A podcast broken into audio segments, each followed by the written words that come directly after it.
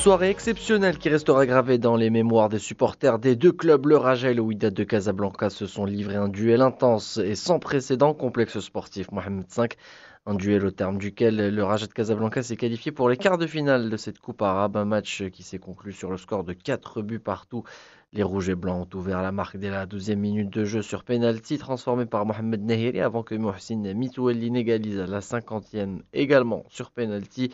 La réaction euh, ne s'est pas fait attendre puisque les hommes de Zoran Manolovic ont repris l'avantage par le biais d'Ayman Hassouni, Ayoub Kabi et Bedi Aouk. Une remontada historique a ensuite marqué la fin de la rencontre lors de laquelle les Verts ont arraché le match nul grâce aux réalisations de Hamid Ahdad, Mohsin Mitoueli et Ben Malongo lors des derniers souffles de la partie. Lors du match aller, les deux clubs de la métropole s'étaient quittés sur le score de 1 but partout. Fabrice Nga, le joueur du Raja, revient sur cette euh, performance incroyable on l'écoute au micro de l'envoyé spécial de médias à Casablanca, Fouad Hannaoui. On est très très très satisfait malgré le 4-1 et on ne peut que remercier le staff, euh, tout le staff et sans oublier les supporters parce qu'ils n'ont pas pu se décourager, ils nous ont soutenus du début à la fin et merci beaucoup vraiment.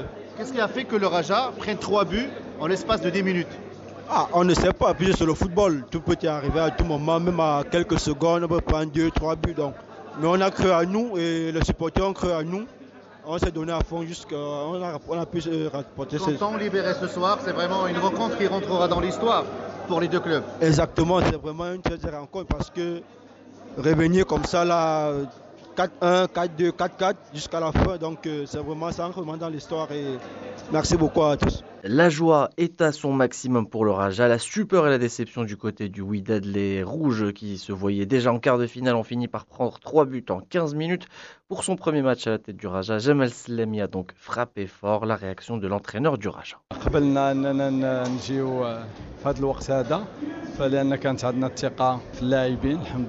Si je suis aujourd'hui avec le Raja, c'est parce que j'ai confiance en ce groupe. Les joueurs ont fait preuve de courage parce qu'en face, le WAC a été solide en inscrivant 4 buts.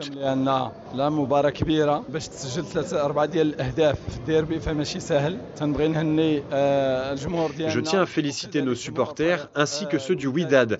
La ville de Casablanca a abrité une rencontre de haut niveau. La chance était de notre côté puisqu'il est vraiment difficile d'imaginer une qualification en ayant trois buts de retard. Durant ces prochains jours, nous allons bien profiter de ce succès avant de se remettre au travail.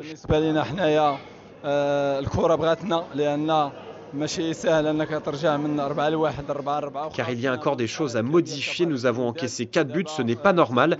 Il faudra être plus prudent en quart de finale.